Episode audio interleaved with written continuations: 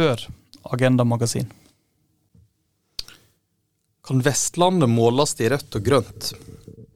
Dette er Tor Olav Iversen, og i dag er det 8. mai. Det trengs en rød-grønn strategi for Vestlandet. Jeg er sosialist på min hals. Jeg har vært med å stifte og drive et venstresidetidsskrift i et helt tiår. Jeg har nylig blitt med i et kor som bare synger arbeidermusikk. Kanskje jeg kunne lært noe av Høyre sitt gamle motto om at det finnes grenser for politikk. Likevel forstår jeg hvorfor mange vestlendinger i 2023 stemmer borgerlig. På snittmålingene ligger det an til borgerlig styre i de tre vestlandske fylkene fra høsten av. Rød-grønn side sliter jevnt over. Ap ligger under sine nasjonale målinger i alle tre fylker. Sett vekk fra Sp samt MDG og SV i Vestland, gjelder det òg de andre rød-grønne partiene. Likegyldigheten kan òg gå i retning fra politikken mot vest. Den nye toppledelsen i Ap er nesten ribba for representasjon fra landsdelen. Valgkomiteen hevder at det nå er tid for å toppe laget. Det kan en forstå, all den tid det er krise på målingene. Det foregår likevel ei geografisk vekting.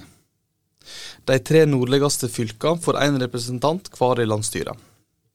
Det samla Vestlandet, som er Norge sin eneste virkelige motpol til Østlandet med omsyn til folkemengde og økonomi, blir avspi avspist med en eneste representant. Kommentator i BT Morten Myksvold konkluderte med at Ap samler by og land, men bare på Østlandet. Problemet råker hele rød-grønn side. Et notat fra tankesmia Initiativ Vest har slått fast at Vestlandet er den dårligst representerte landsdelen i den nåværende regjeringa. Dette er også et historisk faktum. Landsdelen har vært underrepresentert i samtlige Ap-leie regjeringer siden i alle fall 1990. Vi kan se lengre tilbake. Industrien har historisk vært synonym med Arbeiderpartibastioner. Spredd utover landsdelen finner en noen av Ap sine toppkommuner, som Høyanger, Sunndal, Sauda, Odda og Årdal. Industrien har også skapt oppslutnad i storbyene som Bergen. Den nye boka 'Norske partier og velgere' skildrer hvordan Ap likevel har vært et fremmedelement på mye av Vestlandet, som har vært en motkulturell periferi definert av den frikirkelige lekmannsrørsla, avholdsrørsla og nynorsken. Her har utvalgte kulturelle spørsmål vært politisk viktigere enn økonomiske forskjeller, som har langt lengre nede under overflata enn i øst og i nord. Derfor har venstresida spilt på bortebane. For å forstå hvorfor vestlendinger støter fra seg en rød-grønn koalisjon, bør vi også vende oppmerksomheten mot den nåværende regjeringa. Høsten 2021 utspilte en av bergenspolitikken sin mest pikante krise seg. Det Ap-leder byrådet til Roger Valhammer tok politisk selvmord for å stå opp igjen fra Åska noen uker senere. Det gjorde han for å sikre flertall for at Bybanen nordover skulle gå over verdensarven på Bryggen, snarere enn i tunnel. Og hva var lønna fra regjeringa for at deres egne langt på vei la den evige bybanestriden dø? Den trakk først Erna sin lovnad om to tredjedeler statlig finansiering. Følga var at Bybanen nok en gang kom i spill. Nå er Ap sitt landsmøte igjen innstilt til om lag samme statlige pengebruk. De schizofrene signaler vitner om fravær av lokalkunnskap og langsiktige tanker. Det opphavlige forslaget fra regjeringa til statsbudsjett for 2023 var også en katastrofe for bergensregionen, som i stort monn ble avverga av byborger Audun Lysbakken. Etter opphavelige kutt forhandler SV inn penger til å forberede ny jernbanestrekning mot Voss, samt opprustning av E6 mellom Bergen og Voss. Stamveien mellom Voss og Bergen går på folkemunne og i lokalpressa ved navnet Dødsvegen, som følge av hyppige ulykker.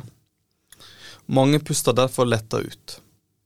Det varte ikke lenge, i vår foreslo Jernbanedirektoratet og Statens vegvesen i sine innspill til Nasjonal transportplan at det tidligst blir byggestart for ny jernbane i 2036, utsatt fra neste år. Trygg vei mellom Bergen og Voss ryker også. Fylkesordfører fra Sp, Jon Askeland, uttalte at han var fly forbanna. Det er sterkt språk, all den tid de på toppen er hans egne folk. Skal en snu skuta, behøver de rød-grønne en strategi for å vinne Vestlandet. Samferdselen er åpenbart eh, en nøkkel til et landskap som gjør at framkomst altfor ofte blir et spørsmål om liv og død. Her må regjeringa vise vilje til å faktisk prioritere landsdelen. Vestlendinger er ikke godtruende nok til å kjøpe og at kutt først og fremst er et spørsmål om økonomisk handlerom, handlingsrom, dersom Oslo-regionen ikke må gjennom tilsvarende hestekur. Det trengs også næringspolitikk som med truverd klarer å støtte opp om mangfoldet av eksportnæring i landsdelen. Høye strømpriser truger, truer fremdeles med å rive teppet under kraftkrevende industri. En målrettet politikk for næringsutvikling blir viktigere når skattetrykket øker for sentrale eksportnæringer som oppdretten. Til slutt må det bygges bevegelse. Det lågest hengende eplet på det vestlandske fuktet er å holde opp med å sage ned hardt framkjempa sigere på lokalt nivå. Den beste måten å sikre det, er at vestlendinger blir sluppet inn i makta sine innste korridorer. For vi som kommer langt vekke fra Oslo, vet at representasjon teller. Denne regjeringa har gitt ei klar stadfesting av akkurat det.